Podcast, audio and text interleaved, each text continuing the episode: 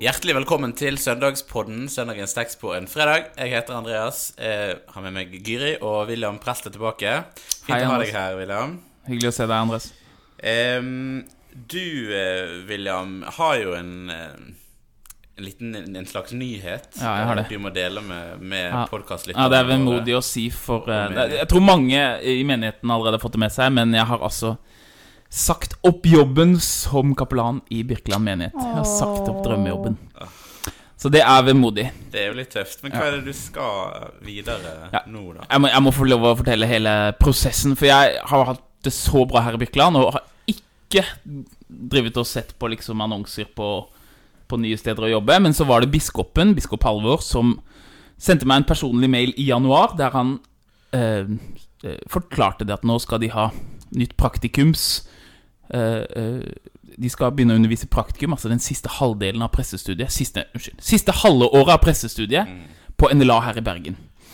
Og det er jo en veldig gledelig nyhet. Og det betyr at de skulle opprette en ny stilling som er sånn praktikumsleder. Og han har jo selv vært praktikumsleder på MF. Og eh, er jo også veldig kjent for å ikke like at prestene slutter. Men han sendte meg en, en, en mail som gjorde inntrykk på meg, og han sa at jeg tror at denne jobben passer bra for deg. Og jeg håper du søker på den og, og går inn i dette prosjektet, fordi det er utrolig viktig at vi får nye prester, gode prester, og at vi støtter opp om presteutdannelsen og, og eh, inspirerer også folk som bor her i Bergen, til å ikke bare utdanne seg som teologer, men å gå hele veien og gjøre seg ferdig til prest. Så jeg har vært i en eh, lengre prosess, og så fikk jeg til slutt den jobben nå rett etter påske. Og eh, har da sagt opp jobben. Så jeg skal eh, gå inn på NLA som høyskolelektor i praktisk teologi med hovedansvar for praktikum, altså presteutdannelsen, sånne som deg, Andreas. Åh, det er spennende, da. Det er veldig vemodig for, uh, Ja, for oss i Ja. Birkeland, og det kjenner vi jo veldig på. Men, men det er utrolig spennende det du skal inn i. Og jeg gleder meg veldig til å få eh, William Grosås som, Typer, som, han som lærer, det. Det blir jo Ja. Mm. helt rått når jeg etter hvert kommer så langt. Så Ja. det blir veldig bra. Og da kan vi jo gi en liten reklame for NLA, for det er der du studerer. Det er der studerer jeg ja. Og det er der jo der Bård Ja, ja. er professor. Og eh, hvis du bor i Bergen og eh, har lyst til å lære mer om tro og kirke og sånne ting, så er jo, har jo NLA studiene for deg. Absolutt. Og hvis du har en prest i magen, så kan du gjerne velge MF eller Misjonshøgskolen, men nå er også NLA tilbyr jo da hele pressestudiet. Og eh, det er et godt liv. Absolutt. Et veldig godt liv på NLA. Helt nydelig. Du, det er Det blir jo litt sånn eh, en Norge Rundt-overgang her fra litt sånn eh, vemodig, men fint det du skal inn i, over i en tekst som vi skal prate om.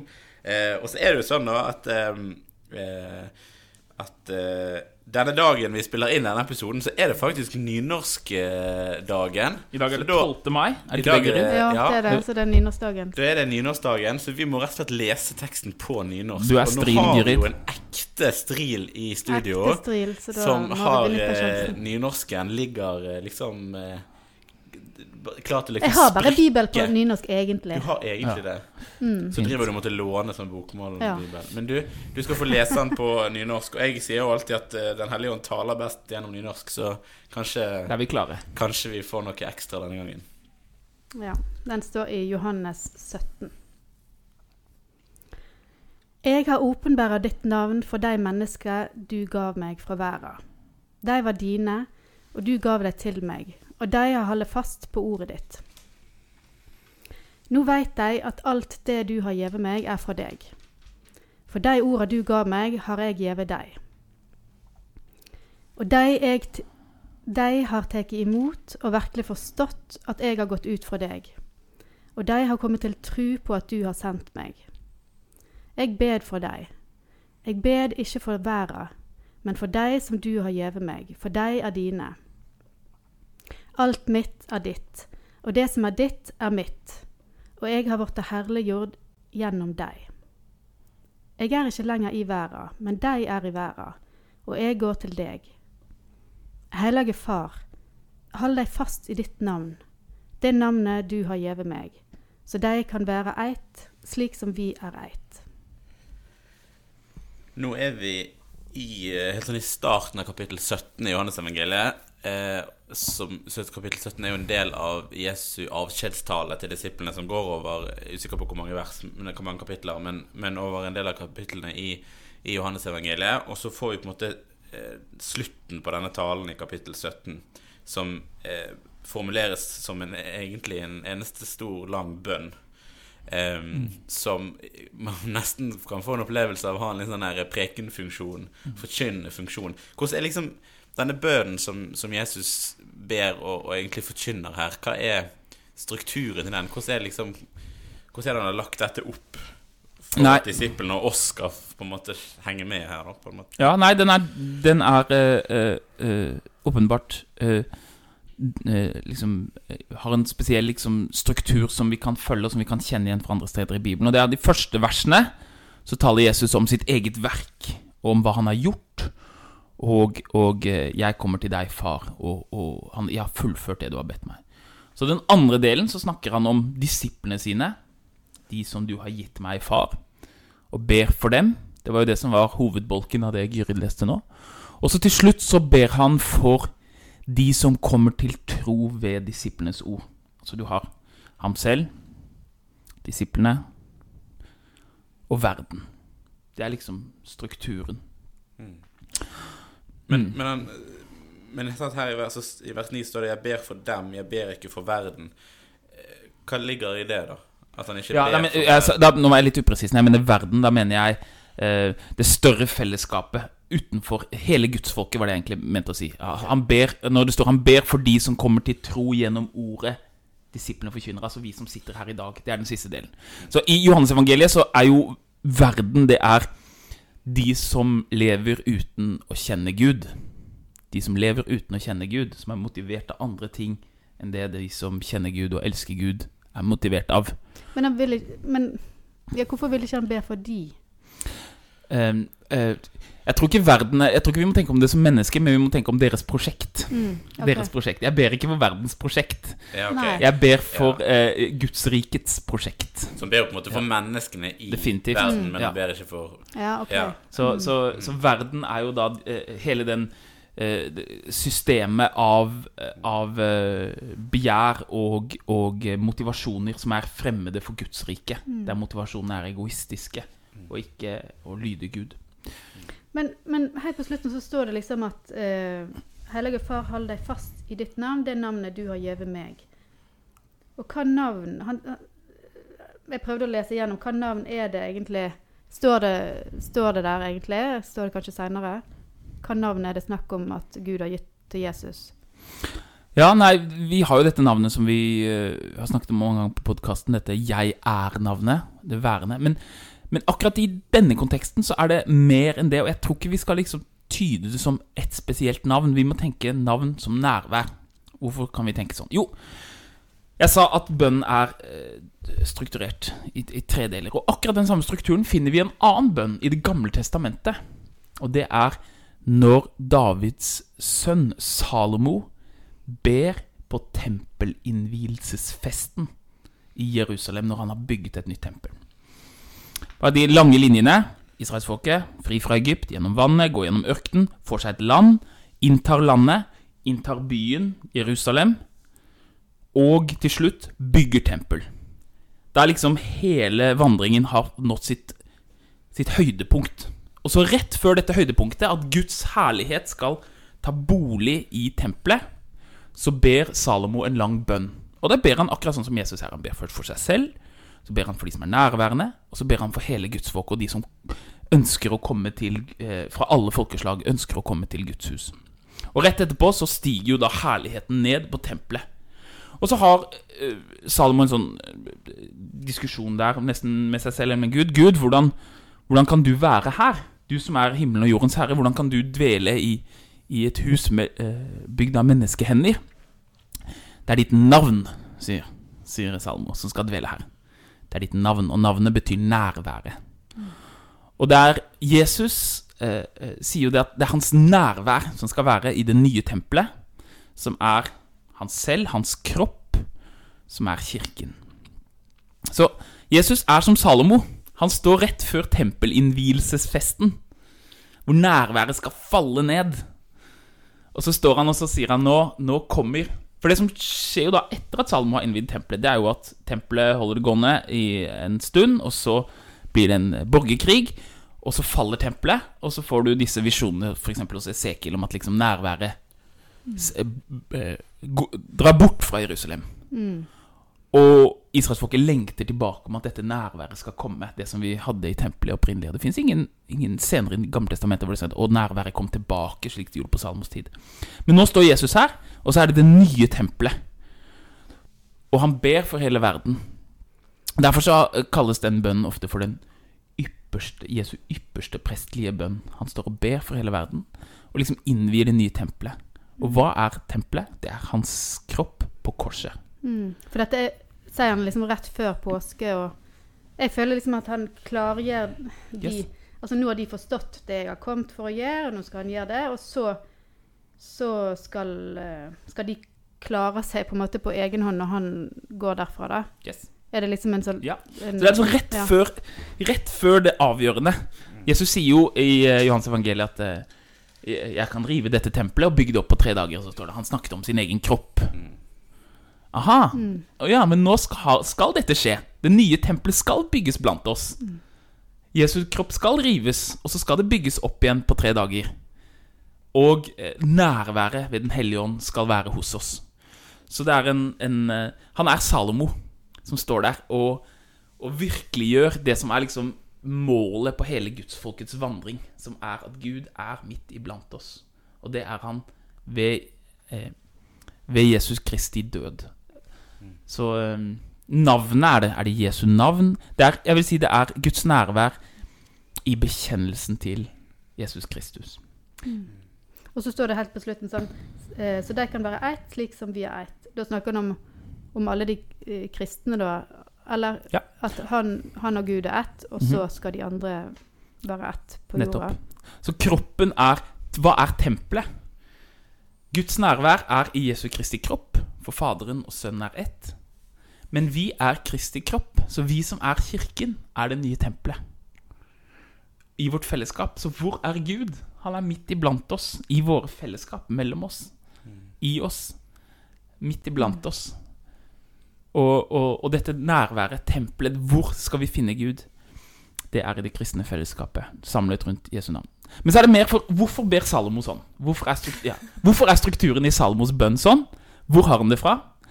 Han har det fra liturgien fra den store forsoningsdagen i Tredje Mosebok 16.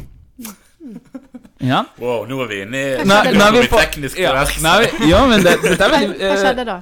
Tredje Mosebok 16 er jo eh, eh, der det beskrives de store høytidene i, i eh, og det, Nei, der beskrives den store høytiden, som er den store forsoningsdagen, der hele folkets synd skal legges på en syndebukk. Så skal det bes for denne syndebukken, og så skal den støtes ut av folket, og så skal Gud liksom eh, regne synden som sonet, fordi den er lagt på syndebukken. Kristne vil si det er en profetisk liksom eh, eh, eh, frempek mot Jesus som tar hele menneskehetens synd på seg. Og i forsoningsdagens liturgien, som er jo da eh, Yom Kippur, den store forsoningsdagen som er vel på høsten i den jødiske kalenderen, så tar ypperstepresten og så ber han denne lange bønnen. Med den samme strukturen som vi både finner i Jesu bønn i Johannes eh, 17, i eh, Salmos tempelinnvinningsbønn.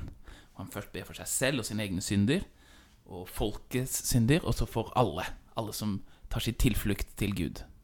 I, i, for alle som vil Og så lesse syndene på På, eh, på syndebukken, og så eh, renses fellesskapet for for eh, den synden, eller Gud ser ikke på den lenger. Og det er jo det som skal skje her. Jesus innvier seg selv. Han er både prest, han er offerlammet, han er både syndebukken og øverstepresten, og han er den som tilgir. Han er alle tre. Han er soningsstedet, sier Paulus. Så øhm, der, har vi, der har vi vår Jesus. Han er ypperstepresten, han er Salomo, og han er også eh, deres venn som står der og, og ber for dem. Wow. Er masse Jeg kjenner det er mye å, å prosessere. Det er masse spenn, kjempespennende. Um, men jeg har lyst til å nå har vi jo gått liksom masse, masse spennende du har snakket om, Milam. Og så kjenner jeg litt sånn behov for å liksom gå til, litt tilbake til bønn, og eh, for å trekke litt sånn linjer til vår, vår bønn. For her har vi jo på en måte Jesus er jo på en måte vårt forbilde i bønn også. sant? Altså Han er veldig tydelig i bergpreken om hvordan vi skal be, og han ber eh, han ber jo mye, og det er mange fortellinger om når Jesus går alene og ber. Han ber sammen med folk. Og her, sant? Og her får vi denne her eh, veldig litt sånn lange, store bønnen som egentlig rammer inn hele hans virke sant? Ja. og hele hans liv. Um, og så får jo jeg av og til liksom behov for Men dette, blir dette liksom forbildet for oss? Hvordan skal vi liksom be så stort? Skal vi be um, en ting, Vi skal jo be for hverandre. Hvordan skal vi be for verden? Hvordan skal vi forholde oss til, til dette forbildet i bønnen, da? Ja, eh, For det første så er jo strukturen i, i gudstjenesten, forbønnens del, altså det som kommer rett før nattverden, kirkens forbønn, den er ofte strukturert bevisst som dette. Vi ber for kirken, vi ber for verden, og vi ber for oss selv. Så det er liksom de tre, de tre delene som, som skal bes for. Og så er det jo eh, eh, verdt å tenke på hvordan vi ber i fellesskap, for det fins veldig mange muligheter til å bruke bønn på en ganske manipulativ måte. Nå er det ikke det Jesus gjør her, men hvis vi prøver å etterligne ham ved å på en måte blunke masse budskap til de som sitter rundt, så kan bønn Bønn skal ikke erstatte kommunikasjon. Så jeg er sammen med Gyrid, og så skulle jeg ønske at Gyrid Gyrid tok litt mer tak i søndagsskolen. Så, så skal ikke jeg liksom kommunisere det til Gyrid via bønn. Kjære Gud, nå ber jeg deg om at du skal gi oss medarbeidere i søndagsskolen som virkelig tar dette på alvor. Amen. Ja. Bønn kan ikke erstatte kommunikasjon. Det må, bønn skal være eh, rettet til Faderen. Og det eh, eh, Derfor så Og det kan man jo på en måte kritisere Johan, eh, Jesus for her, at, at bønn er som du sier en slags preken. Men, men det er jo eh, over en Det er jo en liturgisk, ferdig, eh, liksom mønstret som han går inn i. Men hvor var det, han Sto han foran disiplene og, og ba dette, eller? Ja, det, det, i kapittel 15 i- Nei, i, midten, i slutten av kapittel 14 så skjønner vi at de reiser seg, og så står, sier han 'la oss gå herfra'. Så kapi, Disiplene og han. kapittel 13 vaske føttene. Kapittel 14 Jesus taler for dem. Så Mm. slutter han med å si 'la oss gå herfra'. Og så vandrer de fra Jerusalem, øvre salen, gjennom Kedrondalen. Ja, For dette er skjærtorsdagskvelden. Dette er ja. skjærtorsdagskveld. Mm. Til eh, Getsemane. Så eh, hvor er han når han er kommet hit? Er han kommet til Getsemane? Ja, Mm. jeg tror det. Fordi det er jo det siste som skjer. For det står jo at kapittel 18 Da blir han tatt til fange. Blir han tatt til fange. Så han, dette er det ja. siste han sier til disiplene. Og så gikk han og ba for seg sjøl, kanskje? Nei, Eller- det står ikke i Johans evangelium. at Nei, gjorde. OK. Mm. Så dette er jo på en måte eh, litt uh, tilsvarende det, kanskje. Ja. Mm. Altså Vi kan på en måte si at, at, eh, at eh, kapittel 17 gir oss jo et slags forbilde i hvordan vi skal For sant, i gudstjenestesammenheng, da, hvordan vi skal Vi må huske å be for hverandre, vi må huske å be for verden, vi må huske å be for kirka. Eh, og så eh, kan vi òg ta det med oss i vårt private bønneliv. Ja. ja, men Kjempespennende. Det er jo eh, Jeg ser eh, tiden flyr fra oss. Bønn er jo kjempeinteressant, og det er kjempespennende. Og, og man kan jo snakke, si masse om det, så jeg tror ikke vi skal eh, Vi skal ikke eh, dra det ut. Men, eh, men vi skal få snakket mer om bønn seinere også. Og teksten her prøver jo å understreke den enheten. Mm. Enheten mellom alle de troende. Enheten mellom Kristus og Faderen. Mm. At vi er én kropp. Vi, er ikke, liksom, vi står ikke og forhandler mellom oss. Mm. Gi meg dette istedenfor Gyrid. Vi er en enhet. Og vi skal be som én kropp. For vi er ett i Kristus. Ja, Veldig bra. Vi skal avslutte med å be vår Far og velsignelsen. Vår Far i himmelen. La navnet ditt helliges. La riket ditt komme. La viljen din skje på jorden slik som i himmelen. Gi oss i dag vårt daglige brød, og tilgi oss vår skyld slik også vi tilgir våre skyldnere. Og la oss ikke komme i fristelse, men frels oss fra det onde. For riket er ditt, og makten og æren i evighet. Amen. Velsign oss Gud Fader, velsign oss Guds Sønn, velsign oss Gud du Hellige